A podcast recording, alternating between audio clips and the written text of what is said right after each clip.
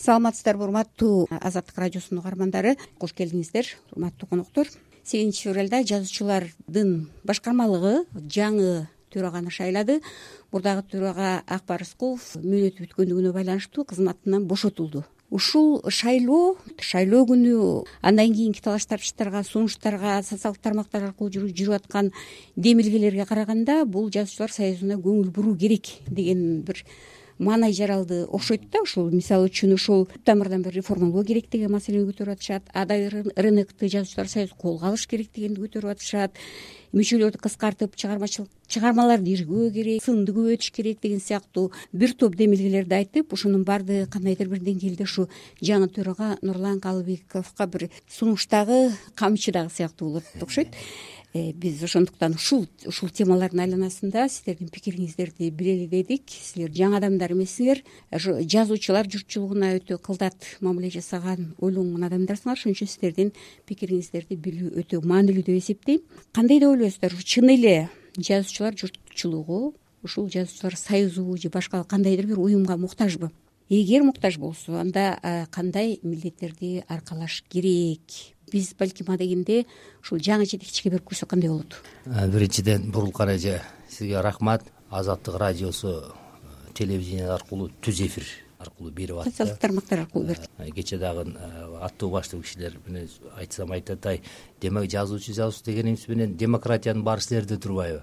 Абдан сонун өттү дейт шайлоо. Абдан сонун мыйзамдын чегинде бул эми баягы биз заманга демократиянын келгендигин айкын эле. Анан эми рыноктун заманы. Баягы илгерки коллективдик сознание акырындан барып жоголуп баратат. Азыр индивидуализм э, чыгармачыл личность бир клуб ачып алабы ал өзүнүн эрки. Бирок биз каалайбызбы каалабайбызбы кыргыздын системалык түзүлүшү илгертен коллективге негизделген да. Баардык маселени кеңешип отуруп чечишчү а эмне себептен жаштар союзунун кереги жок деген түшүнүккө чейин биз ушуга чейин түшүп калып мамлекеттик камкордуктан ажырап коомдук уюмдун деңгээлине калып калдык. Ошол эле учурда улуттук деген статус бар. Анан эми кантиш керек? Көп жазуучулардын баягы советтик түшүнүктө келген жазуучулар социализмден келаткан мээде калып калган бир как привилегия катары союздун төрагасы болгон киши сөзсүз түрдө мамлекеттик сыйлыктар наамдар бир сыртка чыгуу бир ушундай эле бир нерсе менен чектелип калгандай сезилип калган да сезилип калган. Аштойлор сиз кандай өзгөрүүлөр ал эми биздин эми бизде эми мындай биздин пландарыбыз мен ошол учурда ошол мезгилде жети пункттан турган жанагы программаны окугам бергем. Азыр тилекке каршы кашайып үстөлүмдө аламдап атып унутуп алып баягы акын алаңгаздар болот дегендей адыраңдап баса бериптирмин алаңгазар кылгандай жол берилбей калды да сизге. Баягы. Сиз уюштуруучу болдуңуз эми. эми бул жерде менеджмент уюштуруучулукту колго алышыбыз керек дагы. Анан алты айдан кийин анан отчетумду берейин эмне иш кылган мынау сегизинчи февралдан бери бир убакыт өтүп калды. Биринчи жолуккан тоскоолдук кайсы болду сиз үчүн? Тоскоолдук биз олтурган здание президенттин иш башкармалыгына карайт. Президент азыр өкмөт бириктирип койгон а. Биз ошол жерге аренда жанагындай свет коммуналдык услугалар деген сыяктуу. Мага чейин бир миллион төрт жүз элүү жети миң сегиз жүз төрт сом кырк алты тыйын карызы бар экен. Биринчи тоскоолдук мен ошол карызды кутуламынбы же чыгармачылык багыт менен баягы иштейминби? Эң биринчи эми муну жоюшубуз керек. Туура коомдук уюм деп биз сыртта эле карап отуруп алган болбойт. Ол жеке отурат өзүнүн сайты менен адабиятка чоң ишти кылып атат. Султан акимович өзү жазуучу туурабы. Биринчи иретте бул киши чиновник министр же болбосо президенттин кеңешчиси биринчи иретте бул киши жазуучу киши.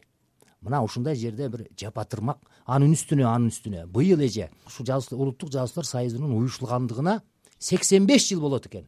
Кыргыз элинин интеллигенциясынын калыптанышына салым кошкон бул классикалык үлгүдөгү союз да биздин аң сезимибизди алдыга сүйрөгөн союз. Жакшы. Төрт жыл иштейсиз да э жобо боюнча? Жобо боюнча беш жыл экен эми билбейм мага чейин эле жыга чабышпаса азыр эми башталып аткан ишке албетте сизге ар кандай кеңештер берип атат. Бул жерде маселе чын эле жазуучулар союзу жаңылоо керек деген бир э, сөз жүрүп атат.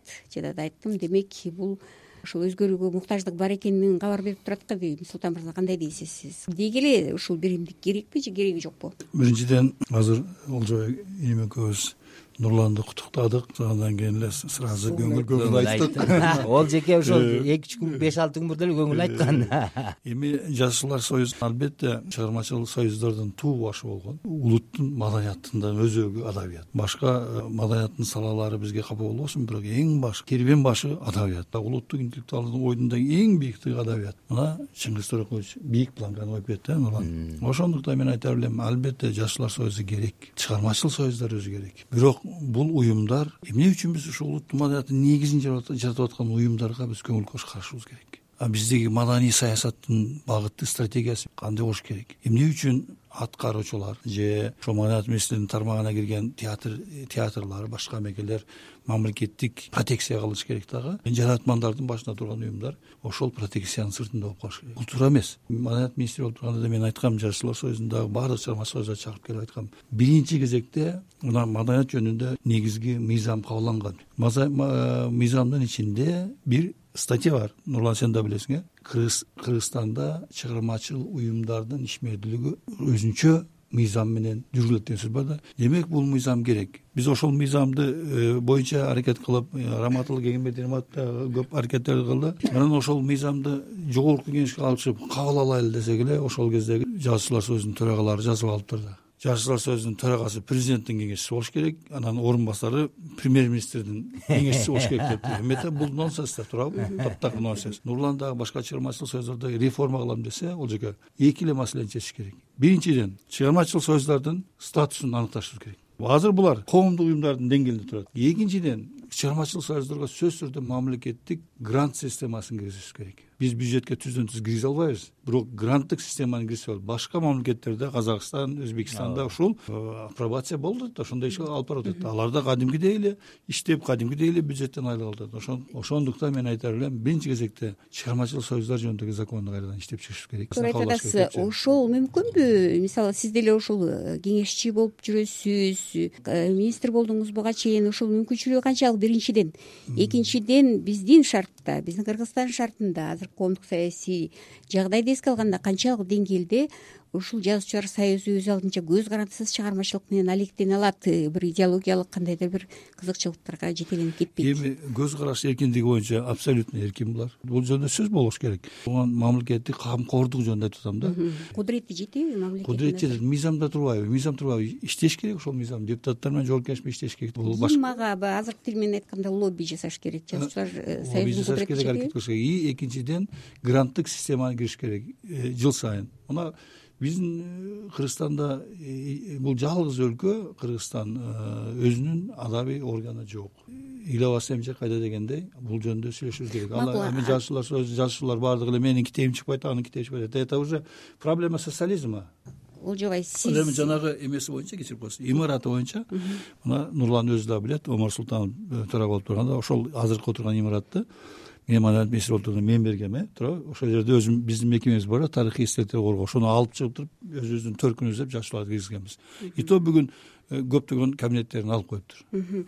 Таланттуу журналист акын э, калчыр көкүев дагы ушу олжобай бир демилге көтөргөн экен ошого кайша кылып айтып атат да. Э, союз союз бойдон калыш керек бул. Аалынын союзу чыңгыздыкы э, медендики түгөлбайдыкы жана башкалардыкы дейт. Эгер кандайдыр өзгөрүү кылсаңар өзүңөр кыла бергиле. Буга эмне себеп болду? Буга ушул э, олжобай кечээ бир пост жазган экенсиң э олжобай ал жерде агенттик деп өзгөртөт элем ушул структурасын дегендей мааниден элдин назарын журналисттердин назарын байкадыңызбы? Могу жолку төраганы алмаштырууда коомчулукта маалымат каражаттарына көңүл бурганы сиздер түз эфир аркылуу толук көргөзгөнүңүздөрдүн өзү бул нурландын мойнуна чоң милдет артып турат да. Демек коомчулуктун назарына илинип турат да. Азыр жаш өкүл келген катарчы анан султан байкенин позициясын угуп отуруп эгер сиз айткандай кылып отурсакчы ордуна былк этпейт жазуучулар союзучу ансыз да баягы жаны чыккан адамга кайра жан киргизип тирилте албайбыз да. Жазуучулар союзу деген түшүнүк эми бул баягы рухий аскер эле да совет мезгилинен калган кошоматчылар коому деп эле мындай ачык эле айтышыбыз керек.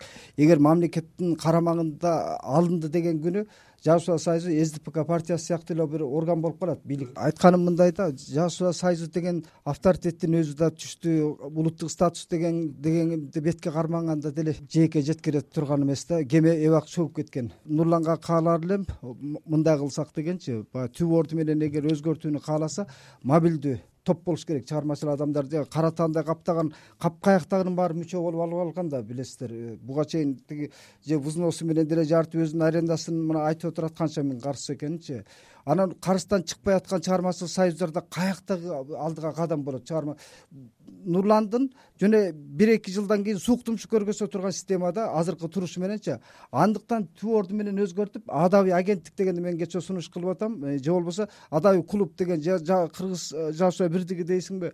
Буну мамлекеттен көз карандысыз маселен кыргызстанда эмне жакшы өнүгүп атат? Мамлекетке көз карандысыз жеке секторлор да анан адабият дегенде адабият менен исп класста кылган топтор толтура да чыгармачыл уюмдар анан эң кашайганда көбү багы иллюзия менен жашаган баягы билимсиз коом деп эле ачык эле айтышыбыз керек. Акын жазуучулардын көбү мурданы алысты көрбөйт баягы кур кыялында эле э нурлан келди укмуш болуп кетет деп. Сен нурлан эмес башка сыйкырчыны келип алып келген күндө дагы бүгүн былк этиши мүмкүн эмес да.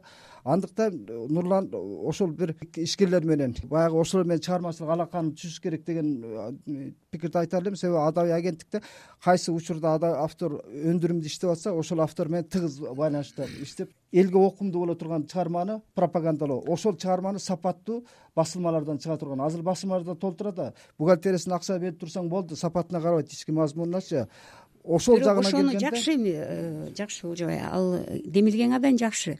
Бирок ошол кантип жазуучулар союзу э, ишке ашышат биринчиден экинчиден ушундай шартта мамлекеттин камкордугунун эч кандай кереги жок. Таптакыр мага мамлекеттин позициясы мага абдан жагат. Чыгармачыл союздарды кароосуз калтырганчы. Бизде ушул психологиядан эмне кутула албайбыз билбейм да. Ссср империясы курган эле рухий аскерлер болчу да. Пропагандисттер мындай айтканда акын жазуучулар. Ошол идеологиянын мүдөөсүн ким кайсы акын жазуучу аткарса ошонун китеби планга кирген аткарылган э, цензура болгон ал чыгарманы жаратам деген киши ал коллективный э, жарата турган чыгарма эмес да. Жазуучулар союзу жөн гана көз карандысыз чыгармачыл топ болгону адабий клуб болобу адабий агенттик болобу айтор аты затын өзгөртүп э, түп орду менен өзгөртмөйүн бул баягы эле кейпине кайра жолуна түшөт да. Султан мырза эми олжобайдын пикирин э, социалдык тармактарда сиз да байкасаңыз керек абдан колдогондор бир топ экен да. Кандай деп ойлойсуз көз карандысыз олжекени колдогондордун деле сабында мен бармын бирок эми бир нерсени айтып коеюн. Чыгармачылык чыгармачылык бул эркин нерсе да. Эч ким киргише албайт. Бизде конституция жазылган мына олжеке деле мен деле бир сөз айтып атабыз бирок биринчиден ала кушту атынан дейт го. Азыр мына чыгармачыл сөздөр биздин жазуучулар деле айтып жүрөт ары баккан ит баккан коюн баккан куу менен эле бир болуп калды ошондуктан биз чыгармачыл союздарды өзгөчө статус бериш керек статус берди дегенде эле мамлекет аны баса калбайт. Просто жазуучулардын кадырын көтөрүш керек чыгармачыл адамдардынчы потому что булар улуттук маданиятты улуттук эмени түзүп аткан нерселер да экинчи баса калбайт дегенде шайлоо келгенде буларды ушундай жок жок жок. Экинчиден мен айтып атам жана каржылоо боюнча гранттык система ооба аларды айттыңыз. Султан байке бийлик чөйрөсүндө жүргөн киши болуп атпайбы киши да негизи элечи анан бул жазуучулар союзун бакма тоок кылып бергиси келип атат да. Мамлекеттен грант бергенде андан көрө бүркүткө бирөө азык таап береби. Бүркүт өзүнүн жемин өзү шукшурлуп асманга учуп таап жейт жазуучулар союзун ошондой эркинге койгондо гана бийикке учат да сабалапчы анда анда анда болжобойбу азыркы мына ким айткан бир миллионду ким төлөйт анда туурабы? Жок төлөбөсүн